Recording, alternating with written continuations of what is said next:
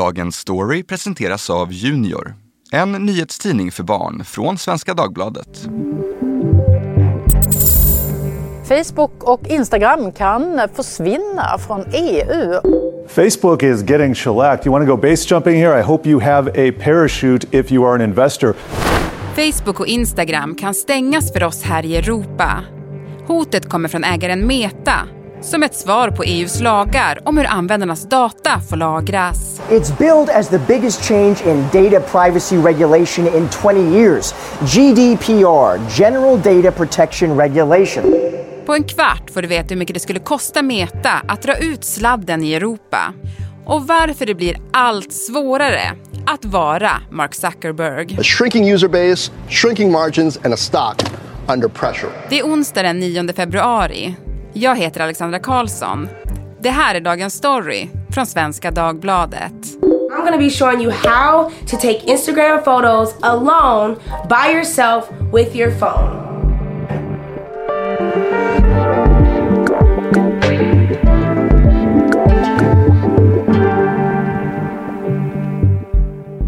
Erik Wisterberg, techreporter på SvD Näringsliv.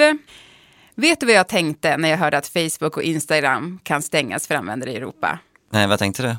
Nej, jag började drömma lite grann om vad jag skulle göra med all tid som blev över när jag inte längre höll på med endless scrolling. Ja, ja, så du blev lite liksom lättad då, att du klarar inte av det där själv, att Nej, välja inte, vad du ska göra? Jag kan inte reglera det själv. Nej, det där Finns... känner man väl igen, att man scrollar bort lite väl mycket tid, inte bara på Facebook och Instagram, utan allmänt på internet. Mm.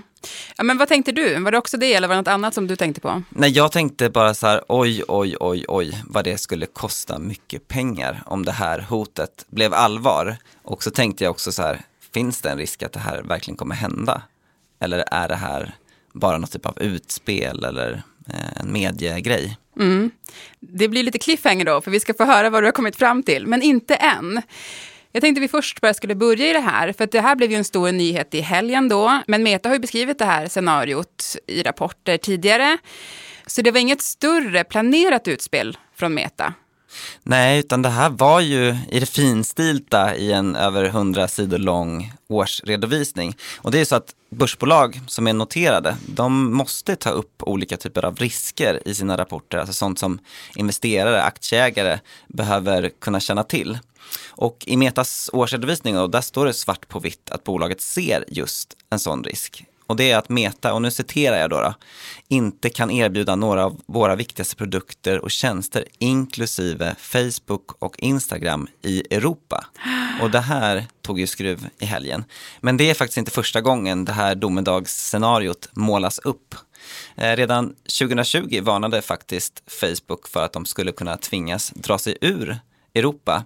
Och i flera kvartalsrapporter tidigare har den här formuleringen eh, just om Instagram och Facebook eh, faktiskt förekommit också. Ja, men vad handlar det här hotet om då egentligen? Det är svårt att säga hur stor risk Meta bedömer att det här är, att det faktiskt skulle ske. Det går ju att tolka som ett sätt att sätta press på EU och USA att få fram ett så kallat nytt transatlantiskt ramverk för dataöverföring. Eller kanske visa då för Irlands dataskyddsmyndighet, som ju har en process kring det här, vad konsekvenserna, alltså den ultimata värsta konsekvensen av ett beslut skulle kunna bli. Och då gör man det på ett sätt som alla kan förstå. Man skriver då att eh, Facebook och Instagram kan försvinna. Det är någonting som folk hajar till kring. Konflikten mellan Meta och EU handlar om hur företaget ska få använda datan från sina användare. Metas affärsmodell handlar ju som bekant om att samla in användardata och sälja riktad reklam. Men här sätter EUs lagar käppar i hjulet. Och frågan om hur Metas överföring av personuppgifter från EU till USA går till har varit en fråga under flera år. The European Court of Justice has struck down an agreement between the EU and the US which facilitates the transfer of data from Europe to the United States and which allows US intelligence services to access such data. Meta har sitt europeiska huvudkontor på Irland. Och landets dataskyddsmyndighet menar att de standardavtalsklausuler som företaget idag lutar sig mot för att flytta data ur EU bryter mot GDPR. Ett slutgiltigt beslut i frågan väntas under året. Men är EU för kinkiga med persondata och integritet? Det där beror nog helt på vem man frågar. Eh, EU har ju med den här lagstiftningen GDPR skärpt upp lagstiftningen kring persondata rejält. Och just den här frågan med eh, datahantering som sker i USA, det blev ju väldigt aktuellt Eh, 2013 när den här visselblåsaren Edward Snowden avslöjade att NSA, den här säkerhetsmyndigheten i USA, samlade in i hemlighet data från stora nätjättar som Facebook och Apple eh, och så vidare.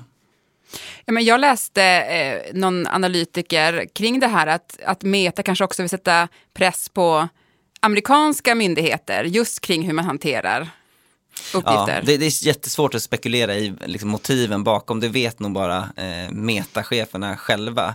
Men, men det här är ju en jättestor fråga och en fråga som skär genom vår samtid, eh, vad som ska hända med den data som vi hela tiden lämnar ifrån oss till stora techbolag. Mm.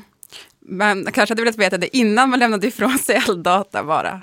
Ja, det går ju nog att läsa sig till i användarvillkoren och det brukar ju vara så att om tjänsten är gratis och finansieras med annonser så är det i regel så att du betalar med din data på något sätt. Okej. Okay.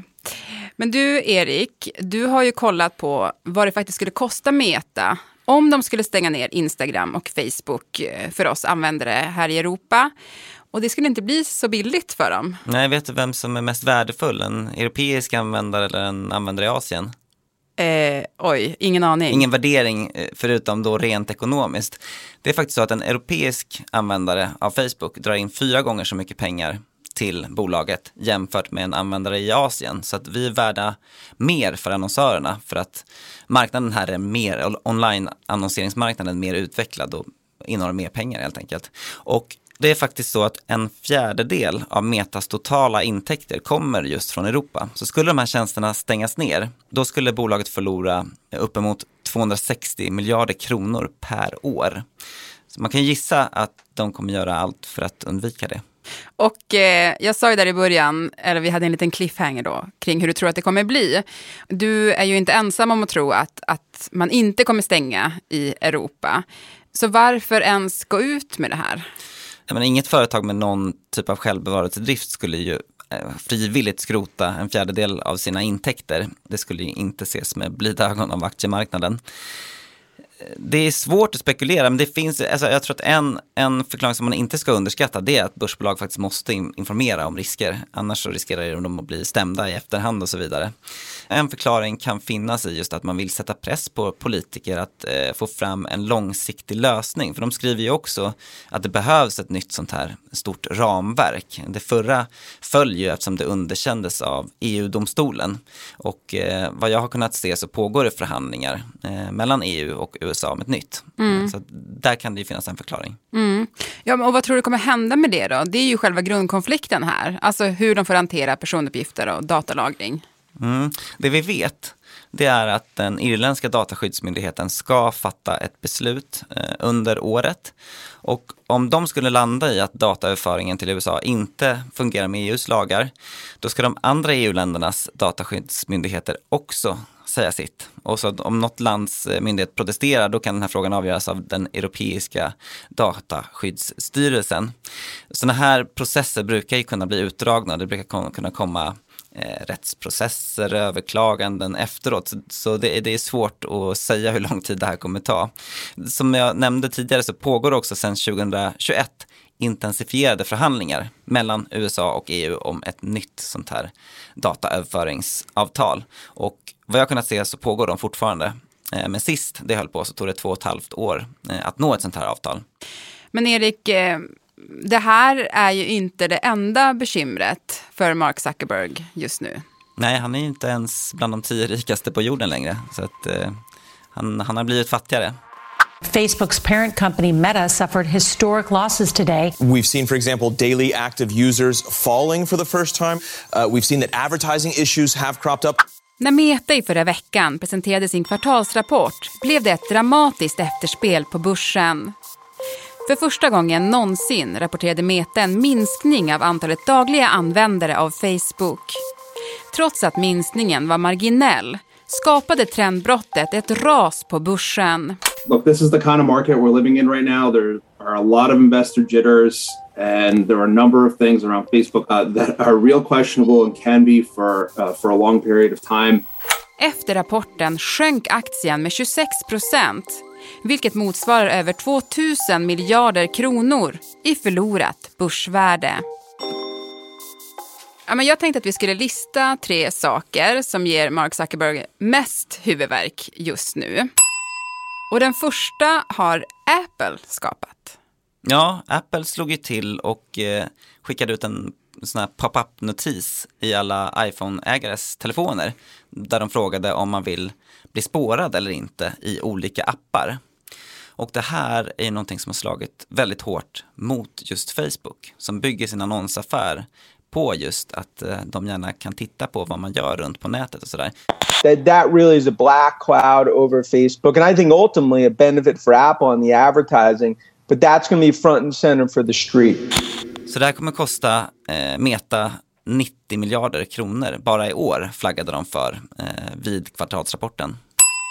Och nummer två, det handlar om konkurrensen från TikTok. Ja, det är ovanligt att man pratar mycket om konkurrenter, men Mark Zuckerberg nämnde just TikTok flera gånger eh, när han presenterade den här rapporten. Han sa att konkurrens påverkar bolagets affär och så sa han att TikTok just växer väldigt snabbt. Eh, det är någonting som man har kunnat se, eh, att det är en app som har nått många användare. Eh, men nu pratar Mark Zuckerberg själv om det som ett hot. You know, TikTok is eating their lunch in terms of younger users who are abandoning the Facebook platform. Och sen den tredje huvudverken, imageproblem. Ja, Facebook eh, som nu heter Meta har ju gått från att vara ett av de här bolagen som hyllades väldigt mycket som var Silicon Valleys finest till att bli väldigt ifrågasatt hela tiden. Så jag tycker att nästan allt de gör granskas nu ur ett kritiskt perspektiv på ett helt annat sätt än förut, både av medier men också av myndigheter. The federal government is refiling a complaint against Facebook accusing the company of illegal monopoly behavior. Ja, men trots allt det här så är ju Meta fortfarande svårt att inte säga Facebook, men de heter ju Meta. Det är ju världens största sociala medieföretag och när de förlorar användare så är det ju verkligen inga massor de förlorar. Men säger det här något om framtiden för bolaget, tycker du? Ja, kanske kan det innebära att Mark Zuckerberg får ännu mer eld i baken i sin jakt på att skapa nästa internet. Det här så kallade meta-universumet som de satsar väldigt mycket på.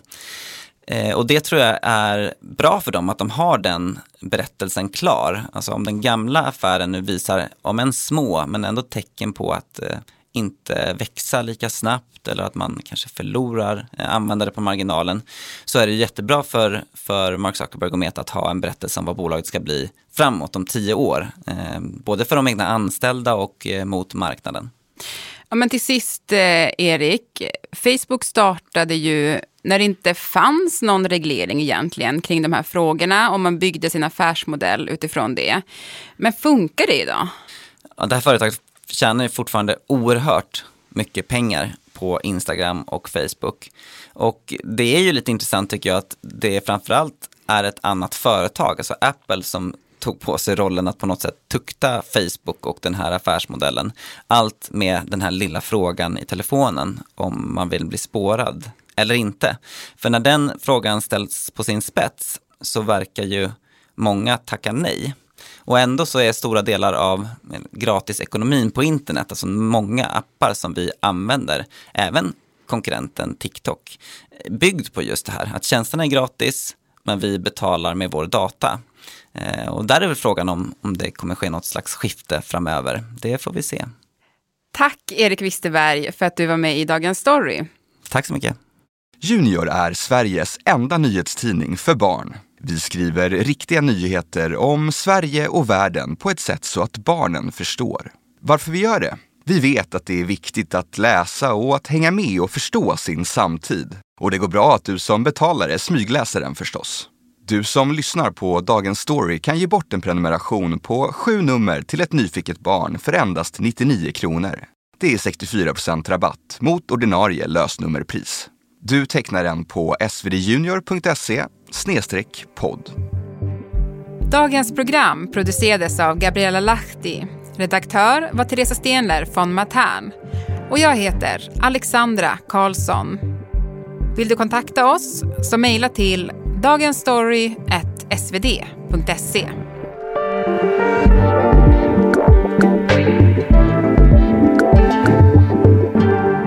Klippen i dagens program kom från CBS News, CNBC, Yahoo Finance, Euronews, Expressen, ABC News, The Week, Deutsche Welle, iTech Post och RTI.